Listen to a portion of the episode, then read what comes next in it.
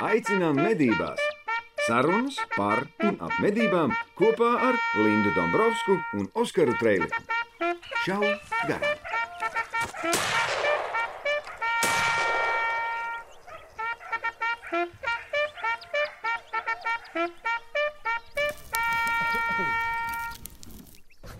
Ko Indula? Mēs varētu šodien sākt. Kāpēc ne? Kāpēc gan ne? Draugi mīļie, 113. nezinu, laimīgi vai nelaimīgi, bet toties. 113. epizode ir klāta, un šodien viņa ir īpaša, jo šīs dienas podkāstu vadīšu es un Indulas. Jā. Beidzot, man ir iespēja no kameras tās puses nokļūt kameras šajā pusē. Jā. Un skaitlis 13, ticiet vai nē, man ir laimīgs skaitlis. Un arī melni kaķi man nesveiksmi. Ne, noteikti, jā, cerams, ka Lindai arī, jo Linda, nezinu, diemžēl vai par laimi, bet jebkurā gadījumā Linda atrodas tagad Francijā, Šabūras pilī. Šamboras. Šambūras pilī. Jā, skaista vieta, ļoti nozīmīgs pasākums viņai tur notiekās. Tāpēc, tādēļ, ja sanāks, ja mums sanāks, viņi mums pieslēgsies iespējams kaut kādā brīdī. Mēs tad iefilmēsim kopā ar viņu, bet tā kā nosacīta tā tālākā versija, tā kā mēs parasti esam taisījuši tā saucamo hibrīdu versiju. Jā. Un tad viņi pastāstīs varbūt tās nedaudz precīzāk par to, kas tur noticis un kas tur notiek un kādēļ viņi vispār tur atrodas. Bet vairāk vai mazāk, man liekas, es saprotu, ka viņi ir medībās. Nu, katrā gadījumā viņas brauciens ir ir skaisti, saistīts ar medībām. Eh, Kā mēs sapratām, viņai eh, rītdien, šodien ir trešdiena, mēs rakstām Sijā ieroči veikalā. Un rītdien viņai ir ļoti nozīmīga konference, kas noteikti ir nozīmīga ne tikai Lindai, bet visai mednieku saimē, es domāju. Un piekdien gan laikam būs medības. Medības, medības. Jā, tā kā šodien mēs parunāsim par to, ko Linda tur dara. Nedaudz pavisam. Ņemot vērā, ka mēs atrodamies Sijā ieroču veikalā, un šogad Sijā ieroči ir ļoti nozīmīga jubileja. Tie 30 gadi, darbie draugi. Iedomājieties, 30 gadi. 30 gadi. Būs saruna ar kādu no Sijā ieroču tā teikt, cilvēkiem, nopietniem cilvēkiem, un parunāsim par to, kas tad ir noticis šo te 30 gadu laikā un kas mūs sagaida turpmāk. Tad nedaudz parunāsim par toleranci attiecībā pret, gan pret medniekiem, gan pret nemedniekiem. Droši vien, vai ne? Jā. Un Induls. Un Pastāsti. nedaudz iezīmēsim eh, kādu interesantu tēmu, par ko jūs varēsiet lasīt eh, žurnāla medības šī gada pirmajā pielikumā. eh, Par medījumu gaļas apriti, apstrādi. Šorīt no rīta biju ciemos eh, pārtiks un veterinārijā dienestā. Un runājām par to, kāda tad eh, medījumu gaļas aprite ir droša un kā nenodarīt pāri ne sev, ne savai ģimenei, ne draugiem. A, kur tu biji? Pārtikas un kā dienestā. ciemos? Eh, Ciemos pie dzīvnieku izcelsmes produktu ražošanas uzraudzības daļas vadītājas vietnieces Ilzas Plīkšas. Mēs ļoti interesanti parunājāmies par šiem te visiem jautājumiem, kas saistīti ar medījumu gaļas apriti, medījumu gaļas drošu lietošanu, drošu pārstrādi. Un vislabāk man patika atziņa, ar ko tad sākās eh, droša medījuma eh, gaļas apstrāde, bet par to mazliet vēlāk. vēlāk. Šā garām jaktei būt! Runājām ar Plīkšas kundzi, ar ko tad sākās eh, droša medījuma gaļas apstrāde. Nu, nu. Un ar ko? Neticēsiet. Ar Ar šo te. Kas tas ir par? Un, tas taču ir. jā, jā, jā. Oskar, tas ir pneimatikas mērķis. Es te mazliet trenējos. Uh, nu, starp rakstīšanas reizēm un montāžas reizēm. Tā ir forša. Bet Plīkšs kundze uzsvēra, ka droša medījuma gaļas apstrāde sākās ar ļoti precīzu un ļoti pārdomātu, tīru trāpījumu pa medījuma dzīvnieku. Davā, tieši tā. Nopietni, tieši tieši, tādiem vārdiem arī Plīkšs kundze Pagaid, teica. tad, tad, nu, tad, tad, respektīvi, mums vajadzētu arī padomāt par munīciju. Uh, pat ne par munīciju, es domāju, Nu, vairāk par munīciju vai bezsvinu. Nē, nē, Oskar, ne, ne jau tīri tādā izpratnē, kad uh, tur varbūt nav svina, kas, protams, protams svins ir kaitīgi Nē, es- un, un viss ir slikti. Arī, Bet arī. par trāpījumu, kurš eh, dzīvnieku tātad nonāvē ātri, efektīvi. Un eh, galvenais, lai nav tā, ka viss, kas ir dzīvniekā iekšā, viss tur izšķīst un viss ir slikti. Jā, Dzīvnieku, jā, eh, dzīvniekam, vislabāk, ja dzīvnieks ir saka, mierīgs, tiek izdarīts ļoti precīzi nāvējošs šāviens. Jā. Un tajā brīdī sākās šī te, mm, kvalitatīva gaļas apstrāde. Jo tiklīdz šis trāpījums ir nu, teiksim, Vēdera rajonā, vēl vis kaut kur, kur nevajadzētu trāpīt, tā principā šī jau varētu teikt medījuma gaļa tiek piesārņota ar visu to, kam tur nevajadzētu tur nonākt. Vēderē. Respektīvi, zaļais ir nav nemaz tik Jā, labs. jo tajā zaļajā iekšā ir dažādi mazi mikroskopiski radījumiņi, mm. kuriem nemaz nevajadzētu nonākt gaļā, kas šo gaļu principā var diezgan veikli sabojāt. Un, un vēl interesanti šķita saruna par to, ka šī dzīvnieku novērtēšana sākās vēl pirms ir izdarīts šis šāviens. Medniekam ir jāsaprot, vai ir kādas anomālijas uzvedībā, vai kaut kas neparasts, kas varētu liecināt jau par nu, saslimšanām tālāk. Jo pēc tam, jau, tad, kad dzīvnieks ir nomedīts, tad vizuālā apskate, tālāk jau, kad tiek veikta vēdināšana, pārbaudīts tiek vai nav kādi parazīti un Oskaram lido fīls. Nā, uzminiet, kas zvana. Linda zvana. Iespējams, viņa pieslēgsies pie mums, bet es līdz atbildēšu. Nu ko? Lādē iekšā! Tā, draugi, mīļie, Linda zvanīja. Iespējams, drīz viņa pieslēgsies.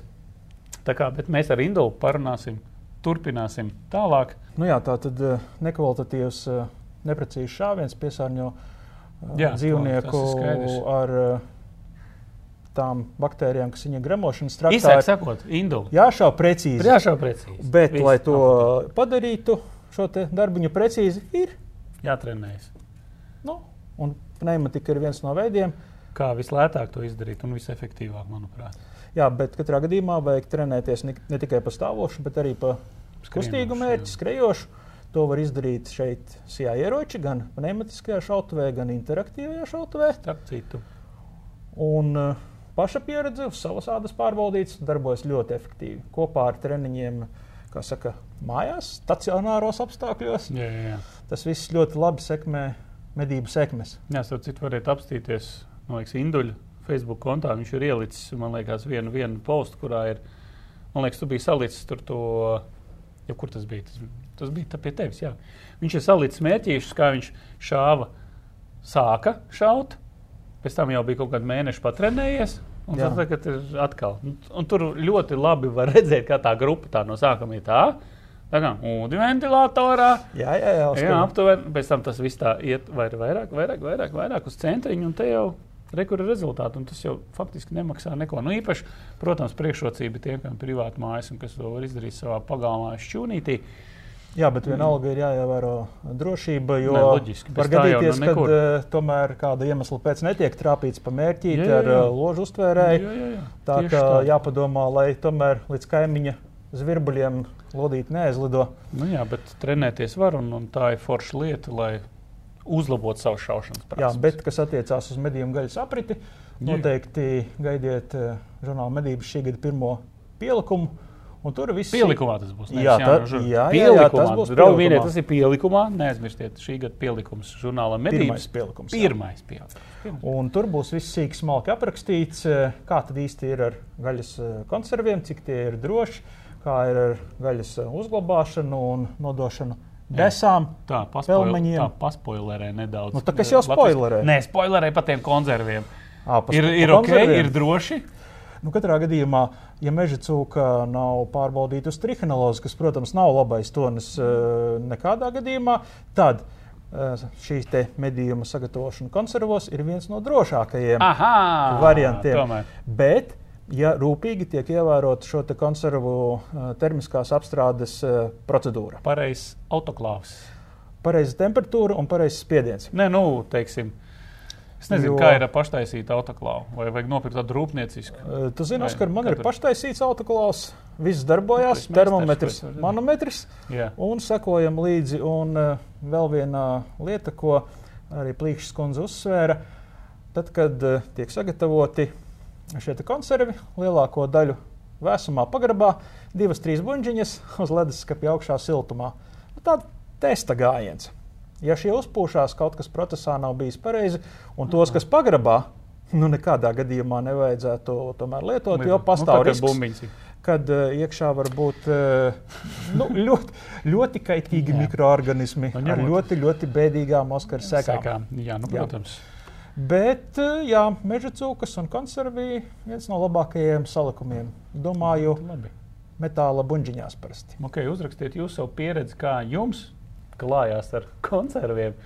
Un kādu varbūt tas man pašam interesē, kādu autoklāvu visvaršāk izvēlēties. Varbūt ierakstīt, kāda ir jums paštaisīts vai rūpniecisks, un kur labāk to iegādāties. Tādām nelielām porcijām, man liekas, Nu jā, lieta pašu- pašu vajadzībām. Pašu vajadzībām, jā, tieši tā. Okay. Nu ko, pārlādējam! Tā Indula, ir viena šausmīgi interesanta lieta. Interesanta Nu, no, nu. lieta, kas ir notikusi nesen, kā sociālajos tīklos. Starp citu, ja jūs vēl nesekojat mums sociālajos tīklos, žurnāla medības, Facebook, Instagram, YouTube kanālā, obligāti to izdariet.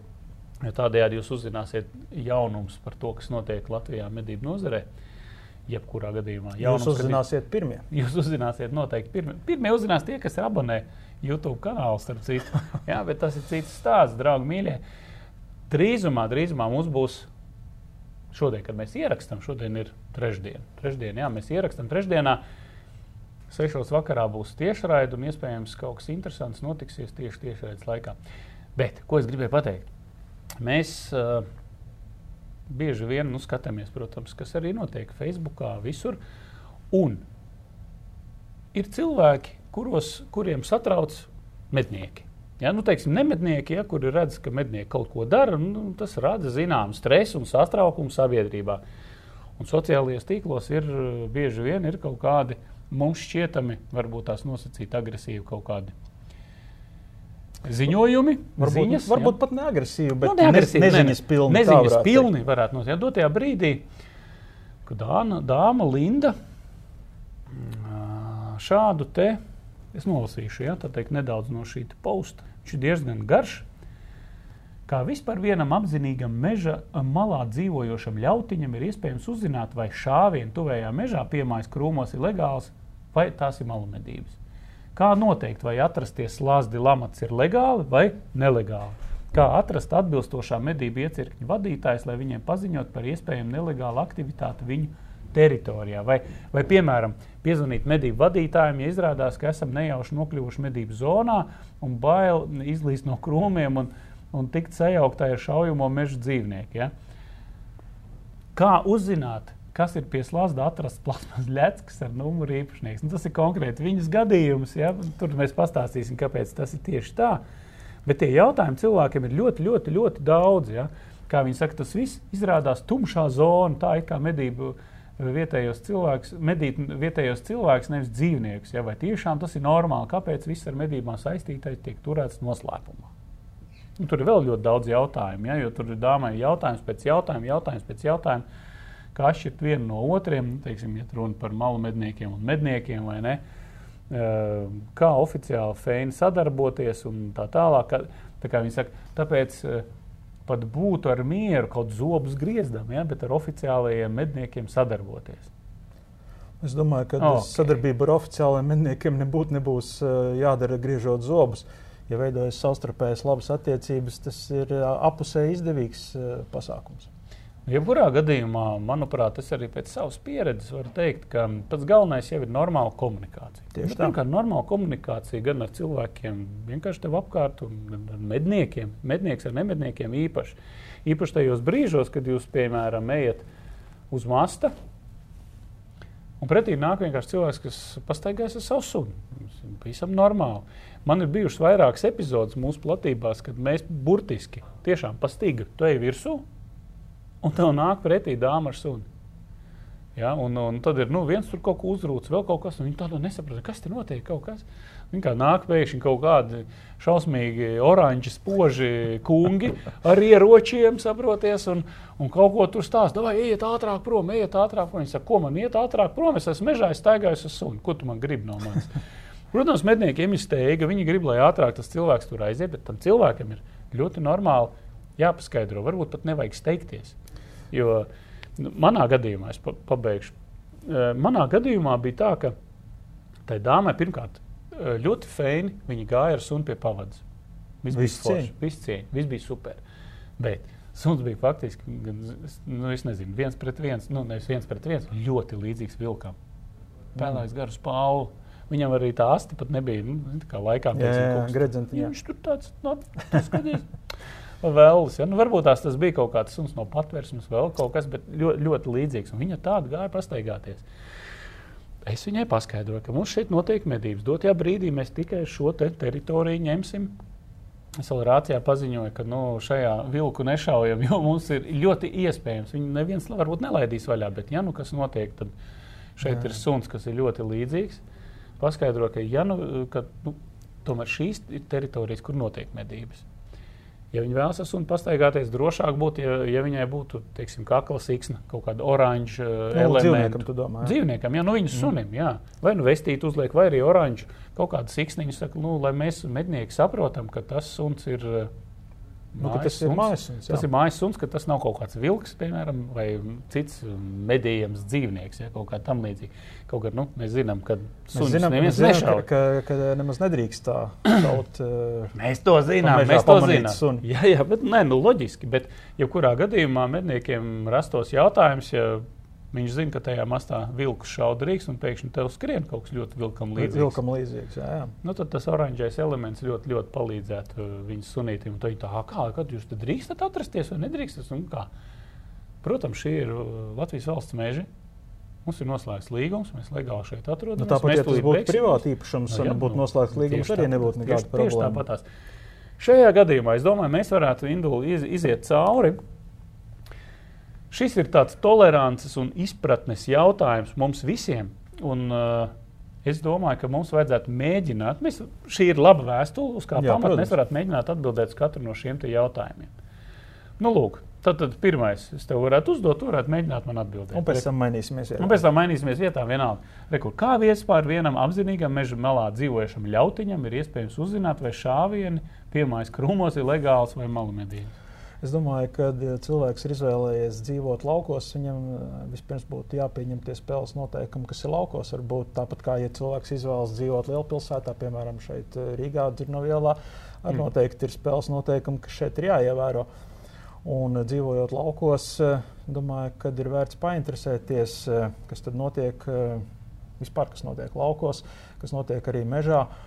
Un noteikti, ja māja ir meža tuvumā, kā šeit rakstīts, meža malā, tad uh, tomēr vērts būtu eh, uzzināt, uh, kāds šis ir vietējais kolektīvs, uzņemt kontaktus ar šiem medniekiem. Tāpat tās būtu vēlams, ja cilvēkam būtu pieejams vietējā meža ziņu telefona numurs. Jo tomēr dzīvojot meža malā, patiešām var būt situācijas, kad ir šie malu mednieki un kad būtu jāziņo par mežā notiekošo. Un Un, ok, Induli, mums zvana Linda. Šāva garām, jaktei būt. Tā, ok, draugi mīļie, mums ir tiešais zvans no Francijas. Tā teikt, eh, Linda ir mums pievienojusies beidzot podkāstam. Par to mums liels prieks. Čau, Linda! Čau, čau, beidzot. Beidzot, jūs tikāt bez manis podkāstu. Juhu! Mums ir baigi forši. Jebkurā gadījumā, jā. Uh, mēs nedaudz pastāstījām par to, ko tad ko tu tur dari. Bet uh, īsumā mums pašiem no visa tā radās šausmīgi daudz jautājumu. Ko tu tur īsti dari? Galvenais, tu, galvenais Linda, ko tu dari rītdien? Ko tu dari rītdien? Jā, ko tu dari tajā pilī, Francijā? Kas tur notiek? Pastāst mums visiem, kas tur ir un kas nozīmīgs priekš mums visiem tur notiksies. Tas stāsts ir garš, tā ir vienkārši unikāla, unikāla, unikāla, unikāla vieta, kas ir viena no lielākajām medību pilīm, kas ir būvēta tieši kā medību pils, bet vienlaicīgi, lai parādītu tā laika karaļa, kuram bija absolūta vara, to absolūto varu. Un viņš būvēja šo pili nevis lai te dzīvotu, jo šeit principā viņš pats nodzīvoja Francis I, ja nemaldos, latviešu viņš Francis, Francis François, nu labi, sauksim viņu par François.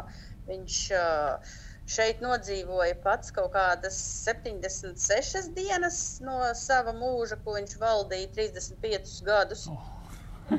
nedaudz. Lūija 14. šeit brauca medīt un kopā pavadīja viņa 77 gadu valdīšanas laikā 9 mēnešus, un tad kaut kāds saksijas, saksijas džekts, uh, grāfs laikam 8 gadus te nodzīvoja, un tad nomira. Un tas grāfs ir vienīgais, kurš šī pilī reāli nomirs. Tāpēc mums liekas, ka tās visas tās pilis ir apdzīvotas šeit, kad tas Frančiskais pirmais, kad viņš brauc uz šejieni, viņš brauc ar 6000 cilvēkiem un ar uh, visām mēbelēm. Un tad, kad viņš brauc projām, tad viss pili izvāca tukšu. Tur neviens vairs nedzīvoja, visu aizslēdz ciet un bija baigais tukšums, līdz kaut kāds atkal izgudroja kaut kādā mirklī uz šejieni ierasties.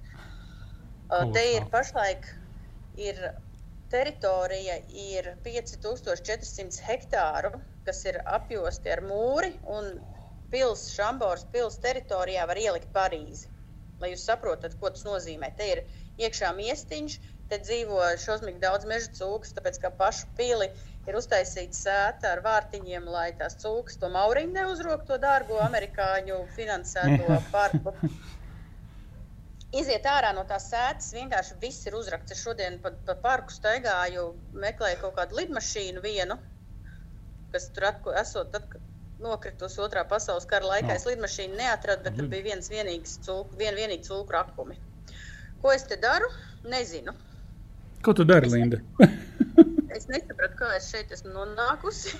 es tev varu pastāstīt ar lidmašīnu un pēc tam ar mašīnu. Tas ir noteikti. Tev bija biļets. Un uh, stāsts ir tāds, ka šitien, tas, kas to rīko, tas pasākumu rīko cilvēks, kurš ir iedomājies, ka medniekiem vajadzētu uzsākt tādu vispasaules kampaņu, aizstāvot savas intereses, tiesības medīt un vispār uzlabot mednieku tēlu. Un tā konference notiks rītā, un nevis tā kā Eiropas mērogā, bet tā kā pasaules mērogā. Oh, oh, un, pat tā. Un šeit ir sabraukuši pat ļoti pārtikuši kungi ar sievām. Viens ir atbraucis pats ar savu lidmašīnu.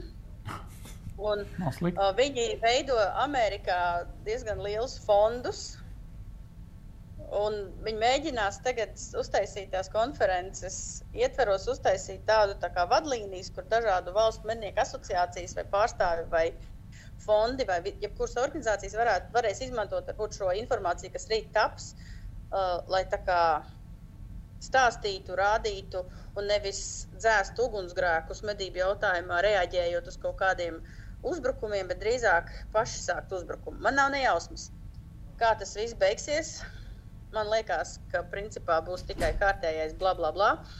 Pastāstot, ka vispārējie ir slikti, bet te baigi daudz idejas tam cilvēkam, kas to dara. Ir šausmīgi daudz fantastisku ideju. Es ceru, ka tās īstenosies. Es šeit esmu, mani uzaicināja viena iemesla dēļ. Um, tas iemesls ir diezgan uh, diskriminējošs. Bet uh, šī projekta vadītājs ir redzējis, ko mēs visi darām Facebook, sociālos tīklos, un cik mēs aktīvi ar to nodarbojamies un kā mēs aizstāvam medības. Un tāpēc, ka es esmu sieviete, FACE viceprezidente, un tādēļ, ka šeit pārsvarā ir viena vienīgi bagāti balti onkoļi. Tad, Dzirdēju, ko gribēju teikt. Nu. Lai es pārstāvētu 50% pasaules iedzīvotāju. 50%? Sievietes. Nu, sievietes. sievietes. Domā, sievietes. Sievietes mednieces. Sievietes, jā. nu, no vienas puses tas nu, paskaidrojums nu. man likās tāds, nu, kā man. Bet no otras puses, man, no man otras puses būt šeit un piedalīties te medībās piekdienu un izteigāt to pili. Es jums sūtīju video pa ceļam vietās, kur citus turistus iekšā nelaiž. Tas ir vienkārši izcili. Tā kā par spīti tam iemeslam, kas ir mazliet diskriminējošs, es baudu procesu. Nu, nemaz tik diskriminējoši nav. Es domāju, ka tev vajadzētu to uztvert kā pagodinājumu bez mazliet. Nu, es uztveru kā pagodinājumu. Jā, nu kā, nu tev, tev tomēr... No visām Eiropas, jo visi, no visiem pārst... citiem, nu, no visām citām medniecēm es esmu šeit. Par to jau ir runa. Kas tur konkrēti ir diskriminējoši? Nē, nu, ja tu uzskati, ka diskriminējoši, varējām aizbraukt mēs ar Indu. Piemēram, pārstāvēt visas, visas pasaules sievietes. Nav problēma. mēs Emīju varējām aizsūtīt vai vēl kaut ko tam līdzīgu. Nē, nē, nē, viss kārtībā. Kā tev medībās gāja? Bija medībās? Jā, man būs. Man būs, būs tev piekdien. Piekdien būs medības, jā. Okay. Jā. Es varu izstāstīt, ka tās medības tagad jau vairāk bišķiņa informācijas es savācu. Es biju šeit medībās arī 2016. gadā. Tajā dienā nomedīja, ja nemaldos, 82 cūkas. Man bija 4 vai 5. Bet te, kā izrādās, es mazliet jums nepareizi sastāstīju, bet šodien Gits izstāstīja vairāk. Katru piekdienu no oktobra līdz martam šeit notiek medības. Te pa nekādu naudu uz medībām atbraukt nevar. Te nav iespējams nopirkt medības. Te var atbraukt medībās tikai pēc uzaicinājuma. Oh. Man ir palaimējies savā plebeja latvieša mūžā nokļūt šeit jau otro reizi. Jā. Tas man liekas, Tas, tas kļūst par ieradumu. Tiešām, kā tik nekļūst par ieradumu, kā Indula saka, jā, Linda. Jā, es sākšu, sākšu man vēl sāks zilās asins tecēt kaut kādas. Jā, pa degunu ārā. Jā, nu jā, ok, labi. jā. Nu, Un, uh, un, un tas mērogs ir, lai jūs saprastu, ka uh, ceturtdienas vakarā pirms medībām Lielajā pilī būs melnās kaklasaitas vakariņas pasākums. Nu, tas ir tā, ka man ir uh, balles kleita ar uh, nu, tā princešu kleita. Reāli man ir sagatavojusies tā, lai ir, ir vakarkleita. Un, uh, un tad ir tā, ka es sadalīju, vismaz, kad es 16. Gada, gadā biju sadalīta pa grupām.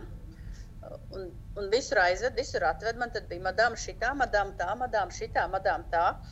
Uh, pie dzīvniekiem, tad, kad tiek nomedīti, atbrauc komanda speciālos tērpos, to visu savāc. Neviens neko nedara, uh, tikai medī.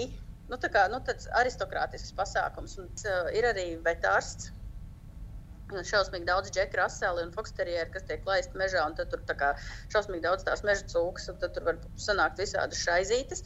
Uh, kopā, cik es sapratu, mums vakar stāstīja, ka ir limits ir jānomedī 1200 meža cūkas.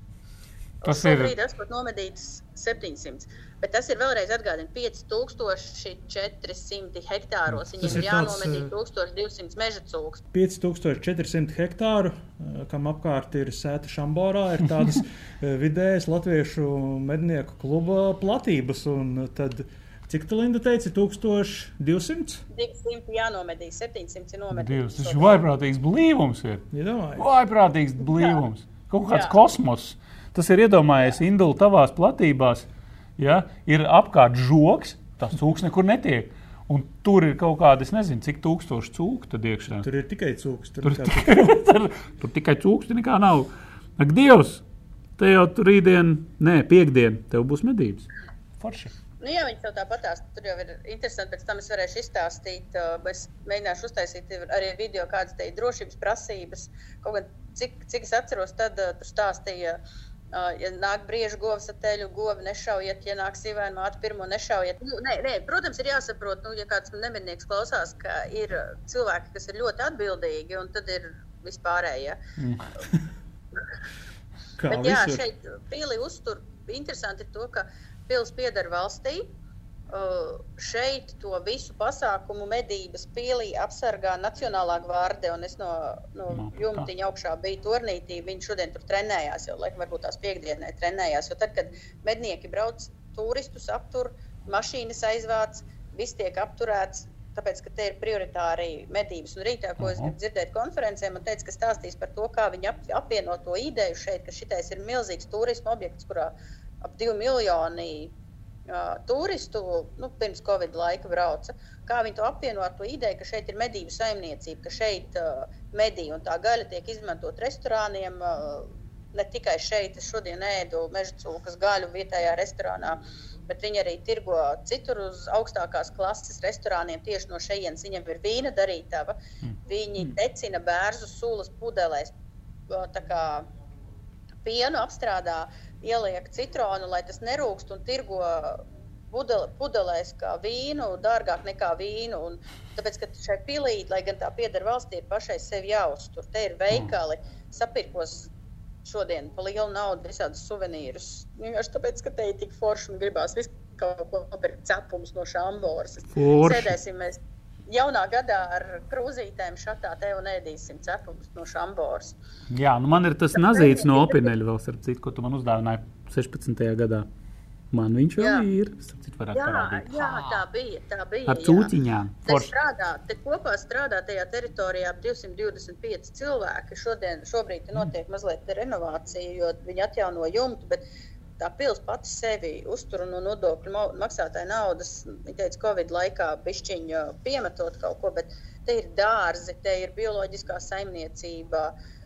Uh, turisms, vesels ciematiņš, kur agrāk dzīvoja nezinu, zemnieki vai kas te uzturēja to visu. Tur tagad ir kafejnīciņas, restorāni. Īsāk sakot, es, es staigāju, man acis ir lielas, un tajā pilī tā ekskursija no tās vēstures, uh, vēstures skatu punktu man šausmīgi interesē, jo es tajā gidē prasīju galveno jautājumu, par ko nekad nerunā, ne grāmatās, nekur nerunā. Kā tad tie karaļi te dzīvojot gāju uz toleķi? Tā ir ļoti svarīga lieta. Nu, bet, nu, ļoti svarīgi tas ir, nu, ko mēs ēdam, un mēs darām to. Nu, jā, nu, nu. Izrādās, ka zem lielajiem torņiem, pašiem torņu apakšā, tur bija toaletes, kur uh, gāja un kur nesa. Un Mhm. tas viss tecēja iekšā bedrēs, un nekas no šejienes ārā nav iztecējis. Tas nozīmē, ka tā Frančiskā pirmā kaku varētu te arī atrast, ja baigi meklētu. Protams, kompostu veidā. Bet, Nedaudz Bet- Frančiskā kakas, mazos maisiņos un pa lielu naudu. Jā, labi. pa gramām. Pa gramām. Jā, Bet, ko, viņi bija Roždārzu. pirms kaut kādiem diviem gadiem laikam, taisījuši arheoloģiskos izrakumus tajās toaletēs, kur tajās nu, virsmas bedrēs. jā skaisti. Un viņi ir atraduši gredzenus, rotas lietas, Oh. ā, statuetes. Pilī ir muzejs, kur ir izstādīti visi šie artefakti, kas ir izvilkti no toaletes. Jo kā nu kāds tur gāja, ups, iekrita. Varbūt tās tā kā katra mēģināja telefonu meklēt. Man- Jā, nu. Tevī, tevī klausoties, man gribas pajautāt, kā tur statuetes nokļuva. Bet tas, tas ir. Tur papīrs bija beidzies. Es nezinu, nu, kaut, kaut kā tur īpaši. zini, "E, Vēlas paņemt šito. Zinu, tur kaut kādu tur nezinu kas.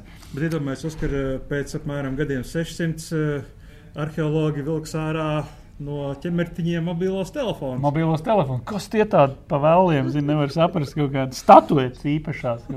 Griezīs un skatīsies, kas tas ir. Un Kā tas tur Kā tas bija? darbojas.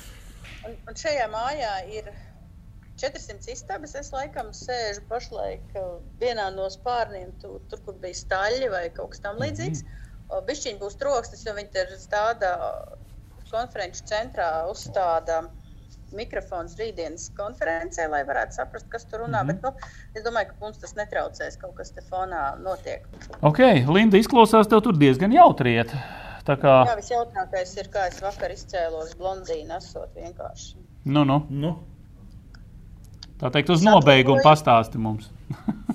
Nu, neko es izīrēju mašīnu, Kijā, kuras nevarēju nekādīgi ar telefonu saslēgt. un Tad es braucu, un tad bija viena vieta, kur nobraucot no autobāņa, jāsamaksā baigā nauda par ceļu. Un es kā kaut kā ieliku to karti tajā automātā, un kā es ņēmu telefonu, lai maksātu, tā es vienkārši šitā te izmetu telefonu ārā pa logu mašīnai. Es Ļoti jau. nezinu, kā to varēja dabūt gatavu. man ir, man ir nevis Statuetes. stikliņš, bet uh, rekords plasmasas. Uh, Nu, labi, ka tā, nu, labi, ka tā. Labi, ka tā. Bet, uh, bet jā, un šovakar mēs iesim uh, te kaut kur. Viens taisa šeit uz vietas, taisa šokolādi, kas esot labākā kāda, jebkur esot. Un arot ēst tikai divus, trīs mēnešus, jo tā paliek veca, jo tur nav tik daudz cukura, kā vajag. Un esot, ja šito šokolādi pagaršojot, tad neviens cits vairs negaršojot. Tā kā mēs vēl iešēsim šokolādi. Ok, un tad pastāstīs, jā. jā. Kā tad, nu, kā tad tu jūties? Vai tev vēl kādu citu šokolādi kārojas? Kārojās un gribēsies, vai ne? Nu, ok, nu super. Nu, ko, Linda? Mēs turpināsim runāt. Starp citu, varbūt tās tev ir kaut kāds komentārs uh, ārpus tā, kā, kur tu esi atceries. Tev jau svaigi atmiņā ir, ir tā, tā lieta. Jo mēs ar Indulu pāriesim, tā teikt, turpināsim sarunu par, par to jautājumu, ko dāma nemedniece mums bija uzdevusi medniekiem Facebookā, kas bija dzīvojusi laukos un sašutus par to, ka kaut kas viņai tur šaudoties apkārt. Varbūt tās tev arī ir kaut kāds komentārs par šo. Es domāju, ka mēs to esam daudz runājuši. Es vakar viņai uzrakstīju, teicu, ka mēs sagatavosim kaut kādu materiālu, viņai to informāciju, jo acīm redzot, ir šausmīgi daudz cilvēku, kuriem uh, nav ne jausmas, kā tas notiek. Vienkārši viņi nezina, kur vērsties un uh, kā tās medības notiek un kādas ir zemes īpašnieku tiesības. Viņa nemaz nav, viņa nemaz nebija agresīva, viņa neuzbruka. Jā. Viņa, viņa man atbildēja, viņa vienkārši uzdeva jautājumus, viņa gribēja saprast, um, kā tas notiek, kur ir jāvēršās un kas ir jādara. Viņa teica, viņa arī nevarot katru reizi, kad šauda zvana policijai, jo tad uzskatīs, ka viņa kaut kāda trakā tanti, kas ne, nemitīgi zvanās. nu, tas ir gan loģiski. Jā. Bet ko jūs varat tiešām parunāt ir par to, ka viņi saka, ka viņiem bija kaut kādas cilpas izliktas, ko meža dienas Nu, par to mēs- Netikām. Mēs tik tālu netikām. Jā, jā, mēs pastāstīsim noteikti skatītājiem Jā, arī jo- par, par jo- slazdiem. jo- jo- Jā, Jo, ko nedaudz. es domāju par to, ka viņiem arī bija izliktas uh, īstās lamatas, pareizās. Rāmveidi. Mums, Jā. mums Latvijā lamatas nav jāiezīmē nekādā veidā. Jā, jā, Citās jā, valstīs ir protams, tā, ka, ja ir lamatas, tad jābūt ir klāt tā kā reģist, nu, vismaz tālruņa numurs, lai varētu cilvēku piezvanīt un saprast, kas Jā, tas jā. tāds ir. Piemēram, prātā es viņai teicu, ka, lai noskaidrotu par medniekiem kaut ko, viņi var zvanīt uz valsts meža dienestu. Viņi saka, Mhm. tas ir plašs jēdziens, uz kādu numuru tieši zvanīt. Jebkur. Uh, jo viņai pat tur nesot izdevies atrast mednieku klubu nosaukumus, ko viņai tur arī nav jāatrod. Nav jāatrod, nē, noteikti nē. Viņi var zvanīt. Es viņai arī uzrakstīju šodien, ka viņi var zvanīt uz mež, valsts meža dienestu, interesēties. Eh, Bet to, to mēs tad arī ar Indulu To mēs past, izrunāsim. to mēs Mēs jau pastāstīsim. iesākām tieši šo momentu, kam tad būtu zvanāms. Nu, jā, vienkārši nu, cilvēki nezina, viņi man rakstīja tā. Nu, bet viņi jau man nedos info, kas nav paredzēta publiskošanai. Un es pat numurus nemeklēju, kaut vai medību kolektīvu nosaukumus. Vai tad nevar cilvēks uzzināt, kāds medību kolektīvs konkrētajā vietā darbojas?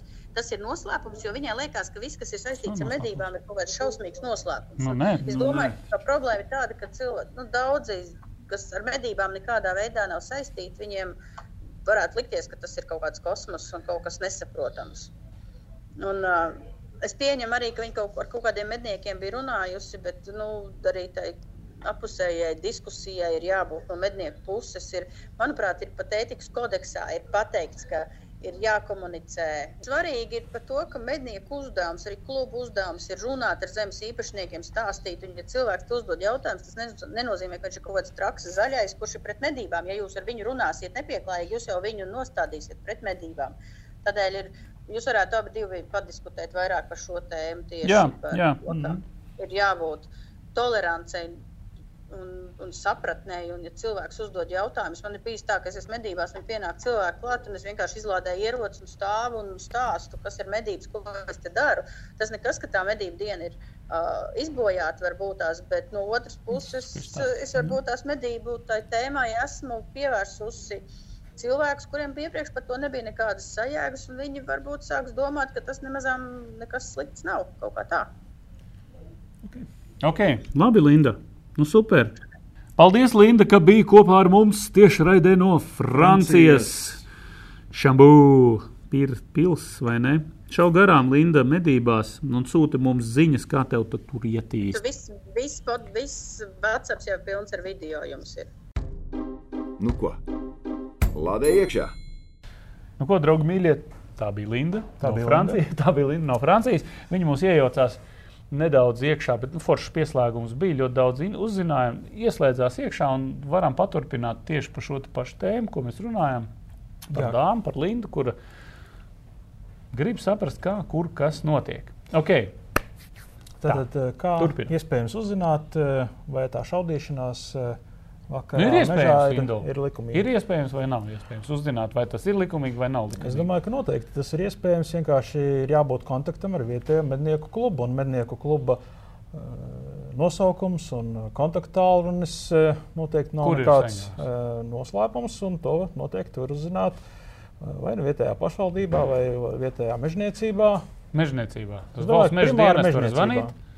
Valsts meža vietējā mājaslapā. mežniecībā. Nē, es Nē, domāju, nē, nu ka pat kā, nu, nu kā, tu piezvani uz uh, atveru mājaslapu valsts meža dienests, Jā. Atrodīja vietējo mežniecību. atrod vietējo mežniecību kontaktos, Zvani. un zvani un jautā. Tieši tā. Tā, nu, tas ir viens no risinājumiem, piemēram. Un es domāju, ka tā, tas nav nekāds noslēpums vietējā mednieku kolektīva informācija. Tur iedos Noteikti ne. informāciju kolektīvu vadītājiem, kuram var attiecīgi zvanīt. Un galu galā, ja kaut kur ir aizmirsies eh, medību tiesību nomas līgums, varbūt mājas īpašniekam. Eh, Sameklējot šo nomas līgumu, tur ir visa kontaktinformācija. Arī vēl Un, viena ja lieta. kāds eh, teiksim, īrē šo īpašumu vai vienkārši tas, apsaimnieko, tas, gribēju un saimniekam ir šis eh, līgums ar vietējo mednieku klubu. Kā gan citādi tur varētu notikt šaušana, medības. Nu, jā, protams, varbūt valsts mežiem pieder šis mežs, un, un, un tad, tad tas ir cits stāsts. Ok, Indu, nu, skaties, varbūt tas varam at, uh, atbildēt uz jautājumu, ja, par, ka redz, cilvēks ir satraucies, ka, piemēram, pilsētas šautavē, nu, jebkurā šautavē, ne tikai pilsētas šautavē, jebkurā šautavē tev prasa dokumentus, ieraksta sarakstos, loģiski liek parakstīties. Loģiski tas tā ir un būs, kur skatās instruktors uz rokas vai ne uz rokām. Bet, uh, Jā, nu, šautavē nesola, bet te mežos pļāvās, jebkurš var brīvi šaudīties. Uh, kur citi tikpat brīvi drīkst staigāt, ogot, sēņot, lasīt ārstniecības augstus vai vienkārši pastaigāties. Nu, redz, Oskar, ar to brīvi šaudīties, tas ir tāda interpretācija. Nevar brīvi Ne, šaudīties. tieši tā, nevar nevar brīvi brīvi šaudīties, jo, e, lai arī pļavās un mežos nav žogu, nav signalizācijas, tas ir kāda īpašums. Un medību tiesības pieder īpašniekam, un šis īpašnieks šīs medību tiesības ar līgumu, ar līgumu nodod. Nodod. Medību tiesību lietotājiem. Nu, tātad, vai tas ir individuālais eh, mednieks, ja tie ir nelimitētie dzīvnieki, tas ir mednieku kolektīvs, vai tas ir mednieku kolektīvs? Tieši tā. Vai arī ne ar vienu neko Vai, nevar. jā, vai arī šīs tiesības nenodod, un vai nu medīja pats, vai tur nemedīja neviens. Okay. Un līdz ar to brīvi šaudīties nu, nekādā gadījumā nesanāks. Ja brīvi, tad zvans ir uz, arī uz valsts meža valsts par malmedību. Par malmedībā. Kas ar tām ogām sēnēm? Ar, ar ogām sēnēm ir tā, ka uh, normatīvi akti neierobežo šo ogu un sēņu vākšanu. Vai tas būtu privātā īpašumā esošs mežs, vai tas ir valsts uh, īpašumā esošs mežs, tomēr ir jāsaprot, ka Latvijā praktiski nav bezsēmnieka teritorija, kas nepieder nevienā, nevienam. Un līdz ar to tev ir jāuzvedās atbilstoši no etikas normām, nu, vispār pieņemtajām etikas normām. Ne. Uh, gan ogojot, gan sēņojot, nedrīkst bojāt šo mežu, nedrīkst bojāt meža infrastruktūru, nu, ceļus, uh, grāvis, vēl kaut ko. Nu, Vienmēr sakot, mežā nedrīkst uzvesties tā, kā ienāk prātā. Nu, skaidrs, jā. Nodarboties ar vandālismu. Ok. Un, un medības ir īpaši reglamentēts šo medījamo dzīvnieku iegūs veids. Nu, Reku, un te mēs varētu atbildēt arī, kāpēc te laukos, jebkurā dienas laikā kāds, jebkur, kurš sagrib, var šaudīties, likt slazdas un tā tālāk. nevar. Stop! Tā tas nav. Nevar, jebkurā dienas laikā, kurš sagrib, tur šaudīties un likt slazdas. Starp citu, pa slazdu tēmu Dāna ir ielikusi ļoti interesantu bildi, eh, kas ikvienam, es domāju, medniekam uzreiz. eh, Es pat arī saprotu, ka tas ir cauns, slasts izskatās. Jā, tāds, jā, tāds jā. maziņš Nu, izskatās. kaste, re, kur ir. Mhm. Kur ir kaste. Jebkurā gadījumā ā, šī bilde, mm, nu, es negribētu teikt, ka izraisa smaidu, bet ā, medniekiem ir skaidrs, kas šeit ir. Respektīvi, es aprakstīšu nedaudz šo fotografiju. Mēs varbūt viņu varētu ielikt, Ielikt, iekšā. jā. Mēs viņu varētu ielikt iekšā šeit. Lūk, lūk ja, šeit var redzēt, ka ļoti iespējams tas ir ja, cauns lasts, ir rāmveida lamatas, Kas daļa, ir uh, likumīgs medības? ir likumīgs medību Rīks. rīks. Un ir savilcējs, e, stirnu kaza. Jā, respektīvi, es pieļauju, ka vienkārši mednieks, slazdotājs ir e, šo te izlietoto, vai drīzāk neizlietoto stirnu kazas savilcēju, kas varbūt ir palicis no iepriekšējiem gadiem, ir vienkārši izmantojis Kā kā, parastu, stiprinājumu. kā stiprinājumu, kā parasts Jo savilcējs. nostrādājot eh, šim slazdam, ir, eh, tomēr ne, ir pamatīgs sitiens, kas nogalina šo dzīvnieciņu. tur tas Slazda kaste var palikties un, un vienkārši nokrist zemē. Tur nokrist lejā. jā. Un, tad vai nu izmanto kaut kādu stiprinājumu, vai nu tās varbūt ir trosīta kāda vai, vai kas cits. Un šī gadījumā ir izmantots uh, stirnas, stirnu kazas savilcējs uh, vai medību atļauja, kas uh, nav izmantot uh, Nu jā. nu, sezonas laikā. Jā, jā, jā. Uh, atļausimies jums atgādināt, ka tātad uh, slazdu, slazdiem laikam nekas nenosaka, ka mums viņa kaut kādā īpašā veidā būtu jāmarķē. Nekas tāds nav. Nē. To brīvprātīgi mednieki citreiz arī dara. Ja gadījumā, nu, lai zinātu, ka savās platībās tu medī, un es, teiksim, es savējos arī numurēju, ja, un, un es domāju arī pielikt klāt kaut kādu, teiksim, nelielu šiltīti ar numuru telefonu, piemēram, ja nu gadījumā kas, tad, tad var kāds piezvanīt, vienkārši painteresēties. Ja tāds nav, tā nav obligāta prasība. Bet cilvēkiem kaut kas šāds rada acīm redzot neizpratni. Vai tas maz ir legāli? Jā, tas ir legāli. Tur um, viss ir kārtībā. Es gribētu te, Oskar, piebilst, eh, eh, ja šis slānis ir rāmja veida lamatas, tad tas ir rāmītis. Rāmītis. Praktiski kvadrātveida rāmītis, kas no vairākām daļām sastāv.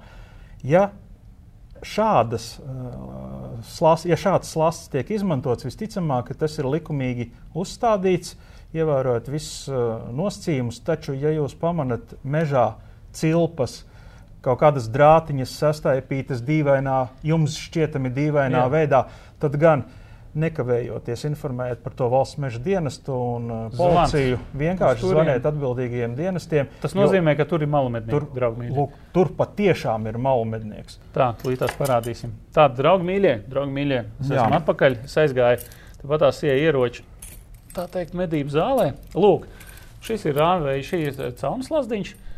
Tieši tāds pats, tikai tur, man liekas, četri, četri, četreiz lielāks ir bebram. Ja? Arī, nu, pēc formas tieši tāds pats. Tātad, ja jūs atrodat kaut ko šādu, visticamāk, ka to ir uzlicis uh, vietējais mednieks, legāls. Mednieks, jā, kurš to drīkst kārtībā. darīt? Jā, un lūdzu, eh, neaiztiekiet šos slazdus, jo nu, tur viss ir kārtībā un nevajadzētu ne piesavināties, ne bojāt šāda veida vietas. Jo iespējams, tā teikt, te ķert caunas vai ne grāvjos. Amerikas ūdens, Amerikas ūdens uz lieliem bebr, bebrus. Gal, gal, gal, gal galā mednieki šādā veidā cenšas arī pasargāt mežu no nu, jā. postiem, no bojājumiem, no postījumiem. Tāpat tās arī eh, pasargāt eh, putnu populācijas no šiem cīkajiem, sīkajiem plēsējiem. plēsējiem tālāk, jā. Un lūk, ja jūs, bet, ja jūs mežā kaut kur redzat kaut ko šādu, Šīs ir kaķeramais slasts. Viņi ir dažādi lielumi. Lielāki, mazāki, daži nedažādi. Tieši tas pats, kas cilpu variantā, Jā. zvans valsts meža dienestam. Vai policija. Vai policija sūdzamies, ka te, te platībās ir malu medības. Jā, jo, jo šādus rīkus, tāpat kā šādus rīkus, kā Oskaram rokā, gan, gan cilpas eh, likumīgs mednieks neliks. Noteikti nē, šitā medīt nedrīkst. Ja, un, uh, varam pastāstīt, kāpēc, ja gadījumā rodas jautājums, kāpēc šito nedrīkst medīt. Pavisam vienkārši. Ja teiksim, šajos lazdos iekļūstot dzīvnieciņš mazais, viņš principā tiek nonāvēts nekavējoties. Nonāvēts nekavējoties. nekavējoties. Ja tāds ir šī slazda dizains, tāds arī tā viņš tiek tā veidots, tā jā. viņš ir paredzēts, lai maksimāli mazinātu ciešanas dzīvniekam. Viņš tiek nogalināts ļoti ātri un efektīvi. Ja? Tad šeit tad šeit tas ir kāķeramais. Tātad aiz kājas viņš tiek notverts, un viņš ļoti ilgi var pavadīt, eh, mokoties. Un, un, un, un, Nu, principā, kamēr tiek sakropļots uzstādītājs. Kamēr, jā, un ja viņš neatnāk ļoti ilgi, dzīvnieks bieži vien var nograust pats sev kāju vai var izplēst ārā un sakropļot sev vienkārši. Principā ļoti spēcīgi savainot. Bez tam, nu, šajā var iekāpt arī cilvēks, dodoties uh, oglekļu nu, viens, nu, jā, un ik viens cits dzīvnieks. Jā, protams. Ja, teiksim, ja kāds grib šo te likt uz kaut kādu vilku vai uz kaut kādu citu plēsēju, jā, tad var alns iekāpt gal galā iekšā, lai briedis. Katrā gadījumā šādu lietot uh, kategoriski. Kategoriski. Nu, lūk, tā, tā, tā kā redzat kaut ko tādu, tad gan zinat, kas ir jādara. Valsts meža dienests un, un valsts policija. Jā, kaut kā tam līdzīga. Noskar, kas vēl tur ir? Tā, tā, tā, tā, tā, tā, tā, tā, tā, tā. Ko mēs esam aizmirsuši pastāstīt? Oskar, šeit arī ir jautājums, kas to zina, cik daudz, e, kā šeit e, raksta e, komentāra no, no. autori, iešņaucis vai iedzēris mednieks, kas jā, tur darbojās. Žitā. Oskar, kā ir ar šo domu, ka eh, mednieks un alkohols tas ir Jā, tādas nesavienojamas lietas. lietas. Kā te kurš teica, ka nesavienojams? Noliec seifā un dzer, cik tu gribi. Jā, bet. Jebkurā gadījumā, draugi mīļie, alkohols un medības tās ir nesavienojamas lietas. Noteikti ne nekādā gadījumā līdz 0,5 promilēm it kā. Ja? Bet nu, labāk nu, nemaz. Nevajag, jā, nu, ja tas iepriekšējā vakarā ir bijuši, bijuši svētki, ja, bet principā normāli mednieki to nedara. Eh, jāsaprot, manuprāt, šeit arī ir kaut kāds zināms stereotips, ir iesakņojies cilvēkos, un mēs mēģinām no tā tikt vaļā. Nu, mednieks nav tāds baisais dzērājs. Kā, varbūt tās, tas ir nācis no padomu laikiem, kad Iespējams. tiešām kaut kas tāds arī ir bijis ļoti senos laikos, kad, kad tās kontrols bija mazākas un kad eh, pa labi, pa kreisi tas arī tā notika. Tagad tā vairs nenotiek. Mēs jau esam vairākās eh, epizodēs ar Līnu stāstījuši, ka tagad vēlreiz varam atkārtot, draugi, mīļie, ja mēs iedomājamies, kādas ir problēmas mums, medniekiem, kas, kuriem ir ieroči mājās, ja mūsu pat par maziem pārkāpumiem sastādīs administratīvo protokolu, kaut vai ja es būšu pat bez ieroča, vienkārši aizgājis uz skrogu, iedzēris bišķiņu vairāk aliņu, jā, un Nu, nedaudz skaļi un, un uzvedies. nedaudz nu, skaļi uzvedies. Es būšu iemītis pieturā, piemēram, un Ā, piebraukus ausmas pašvaldības policija. Jā, un Tos sastādīs mednieka administra- gaitas būs beigušās. Nu, uz kaut kādu laiciņu. Jā, protams. Jā. Nedod Dievs pie stūres, jūs vēl noķers. Uh, Un tad būs stipri ilgu laiciņu. Ļoti stipri ilgu laiku. Pat par to nerunājot, tad iedomājieties, kā tad ir, ja jūs vēl būsiet iedzērši un vēl kopā ar ieroci. Ja, principā jūsu medību gaitas principiāli būs beigušās. Un, uh, normāls mednieks loģiski par to domā un, un nelieto alkoholu. Mūsdienās mednieki nelieto alkoholu kopā ar ieroci. Jā. Noteikti. Ja? Bez ieroča nu, tas ir cits jautājums. Katrs savā brīvajā laikā dara, ko viņš grib. Bet tā kā šeit saka, jo tur nevar zināt, viņš ir iedzēris skrien vai neskrien oficiāls vai neoficiāls. Nē, nu kāpēc vienmēr jāpiesauc šis? No kurienes nāk šī informācija? Es domāju, ka vi- šī informācija un šis te, šī te slava nāk līdz tiešām no seniem laikiem, Tas kad mēs ar tevi Oskar, bijām plānos eh, vai, vai tikko dzimuši. tā nenotiek vairāk. Vairs tā nenotiek. Ja tā jau, notiek, jau sen. Ja tā notiek, zvans policijai vēlreiz. Ja, tad, Vai valsts meža dienestam. Vai valsts meža dienestā vienalga. Jā, sūdzieties, ja jums mednieki skraida piedzērušies pa platībām. Tā nedrīkst jo notikt. katrā gadījumā- Ķeriet rokās un uz turieni viņiem ceļš. Pavisam Katrā vienkārši. gadījumā vislabākajiem mednieku saimē šādu cilvēku nav. Nav. Tālāk. Tā kā, draugi, mīļi, es ceru, ka mēs kaut kādā vairāk vai mazāk esam dāmai atbildējuši uz šo jautājumu. Ja, tā kā esam toleranti, atceramies, draugi, mīļie. Satiekamies ar uh, nemedniekiem, nu, cilvēkiem, kas vienkārši pa mežu pastaigājās. Zolīdi, izlādējam ieroci, vienalga medības būs, varbūt tās bišķiņas atčakarēts vēl kaut kas, bet esam laipni, toleranti, parunājam, pastāstam, radam pozitīvu tēlu par sevi un par medniekiem kopumā. Un palīdzam, ja cilvēks ir nokļuvis eh, nedienās. eh, Man prātā ir viens atgadījums no mm. mednieku kluba, kur es medīju. Eh, Šodien mēs eh, bijām uzsniedzis nedaudz sniedziņš, Jā. un eh, zeme bija, kā saka, apakšā mitra nesasalsi. Mēs braucām no viena masta uz otru, un ceļa malā bija nedaudz, nedaudz pavisam no šī, te, no šī grunts, nu, normālā grunts seguma mm. -hmm. bija nobraukts kāds, kāds pilsētnieks ar elektroautorātu kuram, protams, bija apvidus auto formas, bet nu, satura attiecīgā acīm redzošajā auto nav. Un viņam bija līdzi sieviņa un mazs bērniņš, un viņš bija ārkārtīgi nelaimīgs, jo viņš šo auto nevarēja izkustināt. Nu, mēs apstājāmies, momentā izpalīdzējām, izvilkām šim eh, cilvēkam auto uz ceļa, aprunājāmies, izstāstījām, kur ir tuvākais apgriešanās laukums, kur viņa spēkratu to var droši Jā. izdarīt. Es domāju, cilvēkam palika labas atmiņas par satikšanos ar medniekiem, kuri Arī momentā izpalīdzēja, pat bez aicināšanas apstājās, atgrieza auto uz ceļa, novēlēja laimīgu dienu. un Tā, Indu, man te ir jāpār, jāpārtrauc. Kā Paldies. tev reiz tu mani pārtrauc? Jā, man te jāpārtrauc. Tāpēc, ka man ir, man ir pamatots, pamat, tas ir No, no, pamatots, no. draugi, mīļie, mums ir tiešraide. Tiešraide mūsu YouTube kanālā. Ja jūs vēl, starp citu, neesat abonējis mūsu YouTube kanālu, varat abonēt tādējādi, jūs mūs arī atbalstat visā tajā, ko mēs darām medību jomā. Ne tikai piespiežiet abonēt, bet arī varat izvēlēties kādu no, no, kādu no programmām, kurā, kur ir paplašinātā programma. Un tieši tagad visiem speciāli abonentiem, tiem, kas ir mūsu maksas kanāla abonenti, būs tiešraide ar interesantām dažām lietām, kas ir tikai tur. Tālāk. Es nenācu šai vietai savu miegu izgulēt. Domāju, ka ar šo vajag iesmērēties un ielīst tajā maskēšanas uh, laimiņā. No ko tu jaucies dialogā iekšā?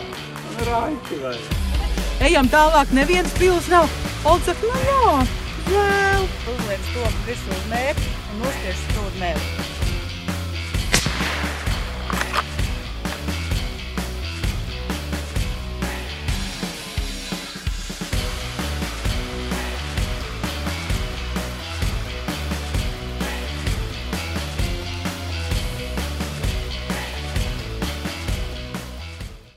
Nu, ko, draugi, mīļie?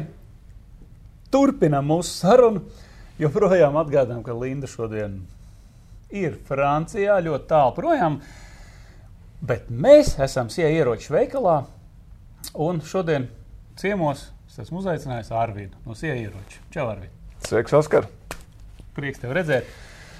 Tā, Arvid, pastāsti. Tātad Sija ieročiem ir nozīmīga jubileja šogad. Jā, 30 gadi. Precīzi. Ja pilnīgi oficiāli, tad tas būs eh, 23. martā. 23. martā. Jā, eh, tas ir eh, tātad datums, kad ir eh, dibināts uzņēmums. Attiecīgi eh, mēs jau visu šo eh, 30. gadu uzskatām par jubilejas gadu. To var redzēt arī Facebook, eh, Facebook konkursos, Jā. eh, kuros eh, tātad, eh, mūsu sekotāji un atbalstītāji ir aicināti sniegt atbildes uz jautājumiem.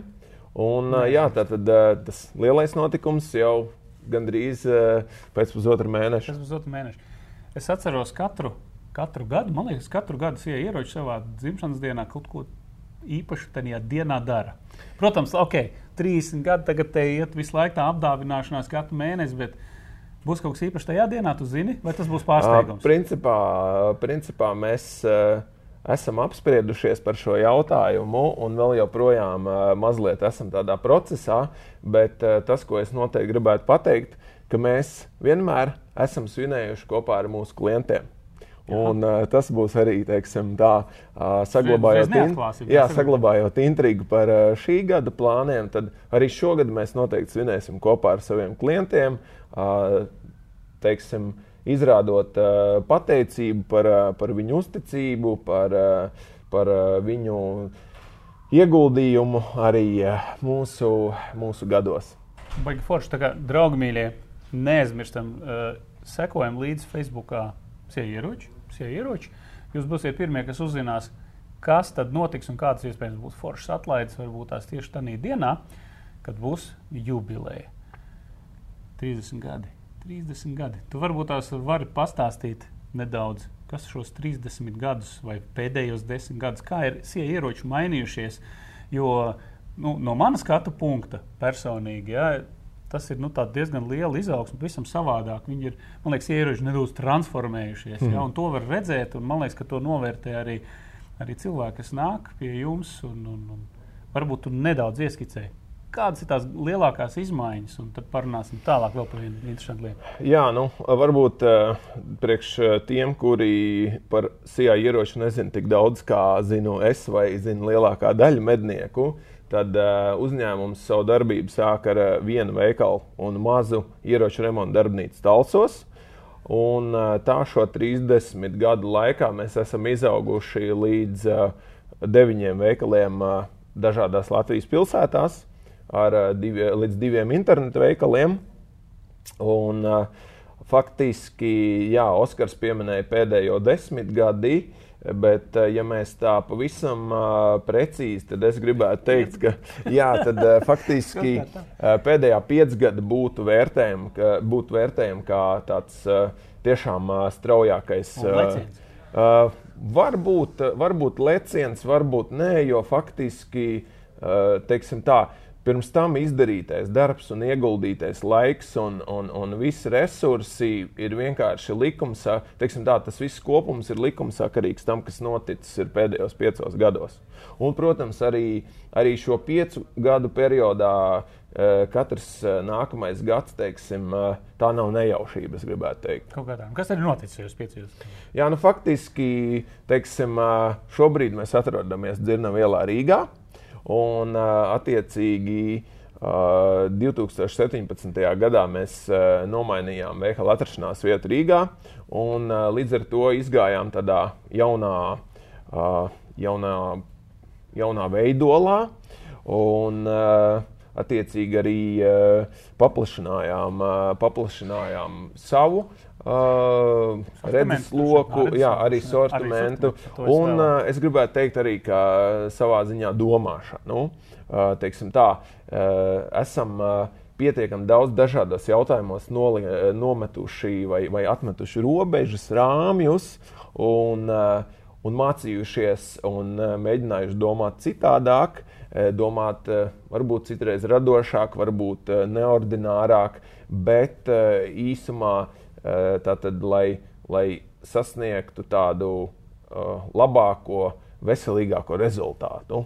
Forši. Starp citu, pēdējie divi gadi jau vispār, nu, manuprāt, Latvijā ir bijuši ļoti smagi. Kādi viņi jums ir bijuši? Jo es tā ar vienu acu sekojot līdzi, saprotu, ka nu, tāds iespējas, ka šie ieroči Covid nav skāris vispār. Nu, Nu tā. teiks, teiksim, Viss ir labi. Uh, protams, kaut kādā veidā Covid.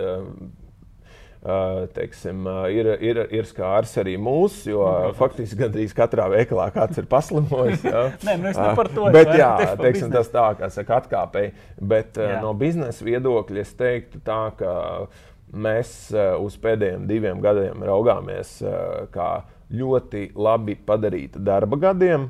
Bet, eh, protams, tie nav bijuši vienkārši gadi, ja salīdzina teiksim, eh, nu, to pašu 17, 18 gadu. Ja? Un eh, šajā, šajā kontekstā es gribētu pieminēt eh, sen, eh, senāk, nu, nevarētu teikt senā, bet eh, faktiski latviešu filozofa Raina vārdus. eh, Jo viņš ir teicis, eh, pastāvēs, kas pārvērtīsies. Loģiski. Un, es varbūt mazliet transformēšu šo viņa teikto, jo mēs uzskatām, ka pastāvēs tas, kurš pielāgosies.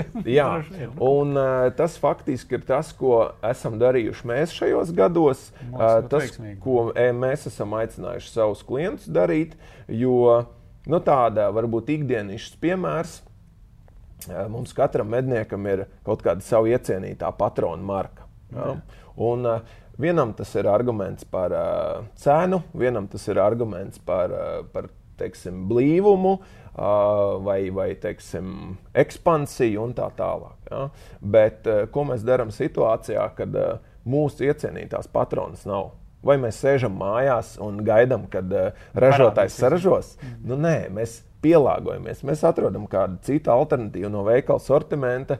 Un, un šajā situācijā, ja mēs to varam teiksim, tā, pieņemt un pielāgoties, pamēģināt, tad mēs turpinām medīt. Un. Viss ir kārtībā.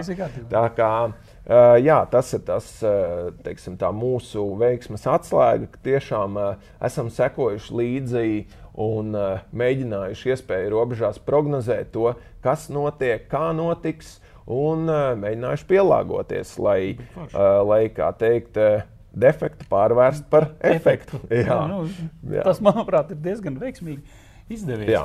Jo, manuprāt, šajā karstajā laikā, es zinu, ka tu esi viens no tiem cilvēkiem, kurš atbild arī par jaunu sortimentu ieviešanu, jaunu sadarbību arī nu, ārpus Latvijas. lielākoties. Lielākoties, jā, jā, jā. Tas ir Arvīts, ja gadījumā vai kaut kāds jauns pasūtījums, tad tieši Arvītam var, var, uh, var zvanīt. Jā, Jā, tāpēc, ka šie ieroči ir atvērti sarunām. jā var protams. zvanīt brīdim. protams. Šajā laikā ir, man liekas, nākuši uz sija ieroči jauni zīmoli. Jā. Jauni zīmoli, kur nav bijuši līdz šim, nav bijuši citos veikalos, bet, bet jūs esat pārstāvis šeit. Kas tie ir? Varbūt pastāstīt nedaudz vairāk. Kas ir jauns? Varbūt kāds, kādam tas būs jaunums, kāds jau to, protams, zinās.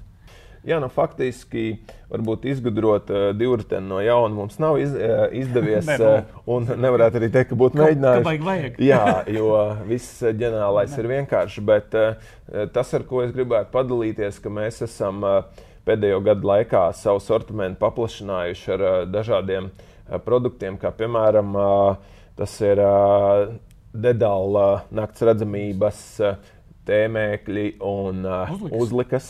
Jā, dedāli. Kā zināms, uh, Dedāli ir viens no retiem ražotājiem, kurš uh, ražo to saucamo EOP sistēmu. un Tā Jā. krāsa atšķirās no, no lielākās daļas ražotāju. Izmanto. Kas izmanto jā, tieši tā. Tad vēl ir tāds Lielbritānijas zīmols kā Hauke, kas ir sevi ļoti labi pierādījis sporta optiku jomā. Nu, es viņu atceros, atvainojiet, ka pārtrauc. Es viņu atceros tieši no nu, pneimatikā, un tad viņi tagad ir sākuši arī ļoti, man liekas, jau vairāk. Jā, jā, protams, galvenais, teiksim, mans iespējas ir tāds, ka galvenais viņu teiksim, tas kurs ir bijis tieši saistīts ar, ar, ar, ar pneimatiku, bet, nu, kā mēs redzam, jā, tad sortiments ir paplašinājies. Viņi, viņi ir eh, sekojuši varbūt tirgus tendencēm vai, vai kaut kādiem pavērsieniem līdzi. Un, uh, es teiktu, ka ļoti veiksmīgi jā, mūsu sadarbība uh, nu, jau ir, es domāju, kādu ceturto gadu. Nu, jā, okay. un, jā, tā ir Kaut kā tam līdzīga. Vēl kaut kas tāds foršs. jā.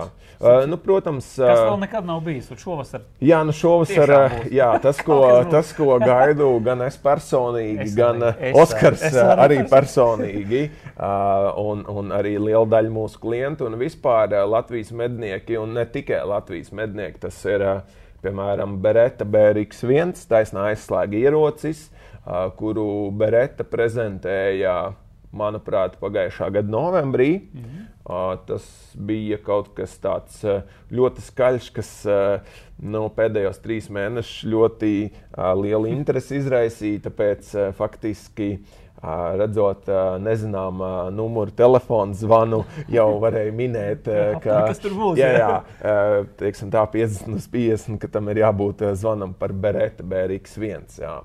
Uh, nu, tas tāds, jā, teiksim, uh, ļoti spēcīgs uh, pieteikums tirgu, jo, kā zināms, tad uh, taisnā aizslēga jomā uh, tādi teiksim, jomas flagmaņi maksā jau cenā virs uh, 2000 stabili. Uh, Nu, sākot no. sākot un- no. Jā, jā. Turpat tas nezinu, grūti būs pat divi atrast. Nu, jā, tas teiksim, tā, neiedziļināsimies detaļās, Detaļās, un, jā, jā, un jā. brendos, bet jā, Beretta plus vēl viens tāds, nu, teiksim, konceptuāls vai, vai inženiertehnisks, uh, nu, es gribētu teikt, brīnums uh, par to, ka aizslēgu ir iespējams nomainīt uh, faktiski bez specifiskiem instrumentiem, un spriežot pēc video pamācībām, tas aizņem nu, teiksim, pusminūti rēķinot. Kā, nu, tas ir kaut kas revolucionārs. Kā, Starp citu, varētu piebilst vēl vienu ļoti interesantu lietu. Man, manu paziņu mednieku lokā ļoti daudz krēļu. Un krēļiem tā ir liela problēma iegādāties ieroci. Tad šeit ir, man liekas, vispār arī otrs revolucionārais risinājums, BRX1, ka tu vari vienkārši elementāri pārlikt uh, nu, to lipu, kur uz aizslēg rokturī. Aizslēgam, apgriezt galviņu otrādi, un viņš patronu metīs uz otru pusē ārā. Ideāli. Ideāli. Nu, kur Jā. tā izdomāt? Jā, jā, tas, risinājums. jā. Tas ir vienkārši fantastiski. Tā Kā, nu, sie- Bet visā visumā uh, pie, pie, mēs pieskārāmies krēļu tēmai. Tad uh, es gribētu teikt, uh, ka mēs esam ļoti draudzīgi arī pret, uh, pret šiem uh, medniekiem Nu, un šāvējiem. Jo uh, teiksim, tā pēdējo gadu laikā ir uh, ļoti.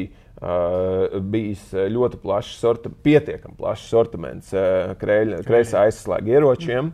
Un, uh, un starp citu, uh, ir, uh, ir paredzams, ka šogad arī Winchester, uh, Winchester pusautomātiem, tātad Winchester SX4 būs uh, uh, versija ar kreiso aizslēgu. Nu. Tā kā nu, vēl uh, neesmu aptaustījis, vēl neesmu redzējis dzīvē, bet, uh, bet tāda informācija ir. Tā kā arī to mēs gaidām ar nepacietību. Nu, jā. Uz izstādi brauksiet. Uh, Protams, izstādē, Ivo, izstāde Īvā Vācijā, Nürnbergā ir uh, neatņemama CIA ieroči dzīves sastāvdaļa. Sastāvdaļa, jā, jā. Faktiski uh, mēs esam dažādā, dažādā teiksim, pārstāvībā apmeklējuši izstādi kopš uzņēmuma dibināšanas. Protams, pēdējie divi gadi gāja seceni, jo izstāde Nu, nenotika. nenotika vienkārši. Bet pagājušajā gadā es sekoju līdzi teiksim, tā, online formātā izstādēji. Tur gan bija teiksim, uh, mazliet citādāk tā izpausmē, bet, uh, bet jā, tā kā. Varēja gūt informāciju, kas tur notiek. Ja? Jā, jā, tur protams, teiksim, grūti droši vien tā komunikācija. Nē, nu, tā. teiksim tā, eh, cilvēciskais un klātbūtnes kontakts ir viens, un, eh, un, un kaut vai to pašu kaut kādu jaunu uh, ieroča modeli uh, tikai aplūkot, uh, aplūkot tā. Teiksim, bildītē, video, nu, eh, tu pats saproti. Jā. Tā kā, tā kā jā, šobrīd, eh, šobrīd eh, viss liecina par to, ka izstādē notiks. Mēs esam sagatavojušies, lai varētu ievērot, ievērot pagaidām paredzamās prasības. Tā kā nu, Forši. dzīvosim, redzēsim. Tā, sie ieroči. Tātad jubileja būs. Ir viens pasākums, kur jūs esat aizsākuši, man liekas, pagājušajā gadā. Tāds kāds vispār nekad nav bijis. Tas ir interesants formāta pasākums. Īsumā, īsumā pastāstīt. Šogad būs. Būs. Pastāst, kas tas ir? Jā, tātad uh, pēc redzēt. pagājušā gada diviem izaicinājumu kausiem, Izaicinājumu kausa. jā, izaicinājumu kausa ir nosaukums.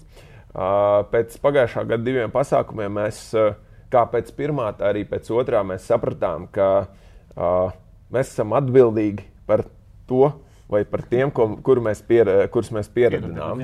Un, Tā uh, kā ļoti loģiski. Nu, jā, un uh, es teiktu, tā, ka tās emocijas uh, un, un atsauksmes, kuras mēs saņēmām, ir viennozīmīgs simbols, ka to ir jāturpina. Signāls. Jā, Tas un, Spēcīgs. jā, pilnīgi noteikti spēcīgs. Un, attiecīgi, arī šajā gadā mēs esam uh, um, jau sākuši pasākumu plānošanu. Uh, šobrīd gan uh, sevišķi detalizēti es uh, neizplūdīšu, bet, uh, kā jau Oskars pirmīt minēja, tad uh, mūsu Facebook lapā būs iespēja pirmajiem uzzināt par, notiks? par to, kur tas notiks, uh, kādus uh, lektorus šogad uzaicināsim un kāds būs pasākuma formāts. Tas ir jā, Jā. jā. pastāst par iepriekšējiem, lai, lai cilvēki saprastu. Tās nav vienkārši kaut kādas sacensības, kaut kāds izaicinājums, kaut, kur kaut kas notiek. Tātad no rīta notiek lekcijas. Jā, jā, precīzi. Nosaukums izaicinājuma kausa varbūt mazliet uh, rada Mulsina tādu uh, mulsinošu jā, to efektu. to programmu, kāda bija. Jā, bet Pastāst. faktiski uh, es arī tā ieskicēšu, kāpēc izaicinājuma kausa. Jo mūsuprāt, uh, nu, tas ir uh, katram pašam uh, sevis uh, izaicināšanas process. Bet uh, tad pasākuma koncepts uh, bija tāds, ka uh, dienas pirmajā daļā uh, mednieki, šāvēji, sporta šāvēji un citi entuziasti bija aicināti apmeklēt mūsu uzaicināto lektoru lekcijas. No, no lektoriem var pieminēt tādus Latvijas šaušanas un medību nozarē pazīstams cilvēkus kā Agnis Dombrovits, Vilnis Jaunzems, Aivars Bundzens, Edgars Fogels. Faktiski uh, Tātad, jā, dienas pirmajā pusē tāda Tie semināri? Jā, Jā, ok. okay. semināri. Un pēc tam? Uh, un pēc tam uh, bija praktiskās nodarbības uh, šaušanā ar uh, maskalibra ieročiem, ar uh, vītņstobra ieročiem, kas nav maskalibra ieroči. Nu, tad jaudīgā-. Jā, jā, tad ar maskalibriem ā, 50 un 100 metru distancē, savukārt ar lieliem vītņstobriem 100 ā, līdz 300 metru distancē. Pa gongiem bija. Jā, un teiksim tā, pa gongiem, un tā ideja, kāpēc pa gongiem, lai, lai medniekam, kurš, ā, kurš atbrauc uz šādu pasākumu, un viņš iepriekš varbūt nav šāvis šādā distancē, tas gongs dod to ar savu skaņu, dod to trāpījumu sajūtu, un ā, otrs, ka tu arī ā, optikā, ja tu turpini skatīties uz mērķi, kā tam vajadzētu būt, ja, tad tu arī redz, kā viņš nokustās, kā viņš šūpojas. Ja, un, ā, un tā. Tātad ā, viens pasākums bija Madonas pusē, šautavē Palējas, ā, otrs pasākums bija Ventspils, ā, Ventspils pusē. Gribu teikt, ka tie pasākumi nenotiks tikai vienā vietā, bet viņi varētu notikt dažādās Latvijas Jā, pusēs. tieši, tieši tāpat kā pagājušajā gadā mūsu mērķis bija, lai eh, nu, teiksim, ah, katrā. Lai, lai vieniem nav jābrauc pie otriem, un Otriem otriem baigi jā. tālu, ja, Bet, kā kā, mēs kā mēs novērojām, tad, eh, tad faktiski. Jā, jā, jā. brauca arī no pirmā pasākuma, brauca uz otro. Tas, eh, to arī mēs uzskatām par, eh, par atzinības, eh, atzinības saka, simbolu. pasākumu, jā, nu, jā. Nu, lūk, un, arī šogad plānojam pasākumu veidot tā, lai, lai tas būtu, protams, aktīvākiem entuziastiem uh, attālums nav šķērslis, bet, ja nu tomēr uh, teiksim, nu, negribās uh, tik tālu braukt, tad, tad būs tāda labāks pārklājums. Lai, lai... Okay. Arvīt, tev ir kāds novēlējums medniekiem?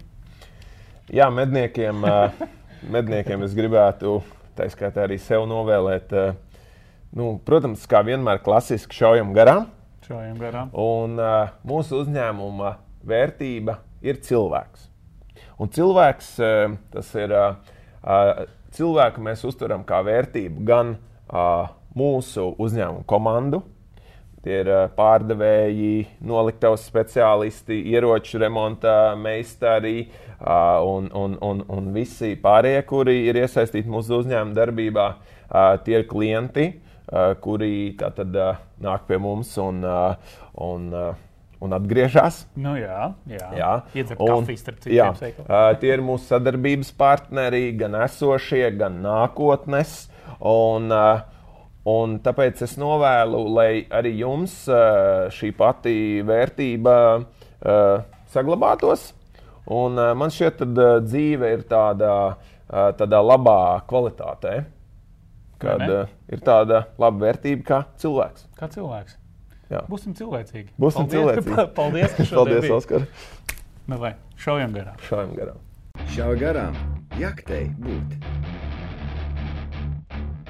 Darbie draugi, šodien mums bija diezgan gara epizode. Man liekas, Nu, nevelti 113. 113. mēs viņu vienkārši stūmām.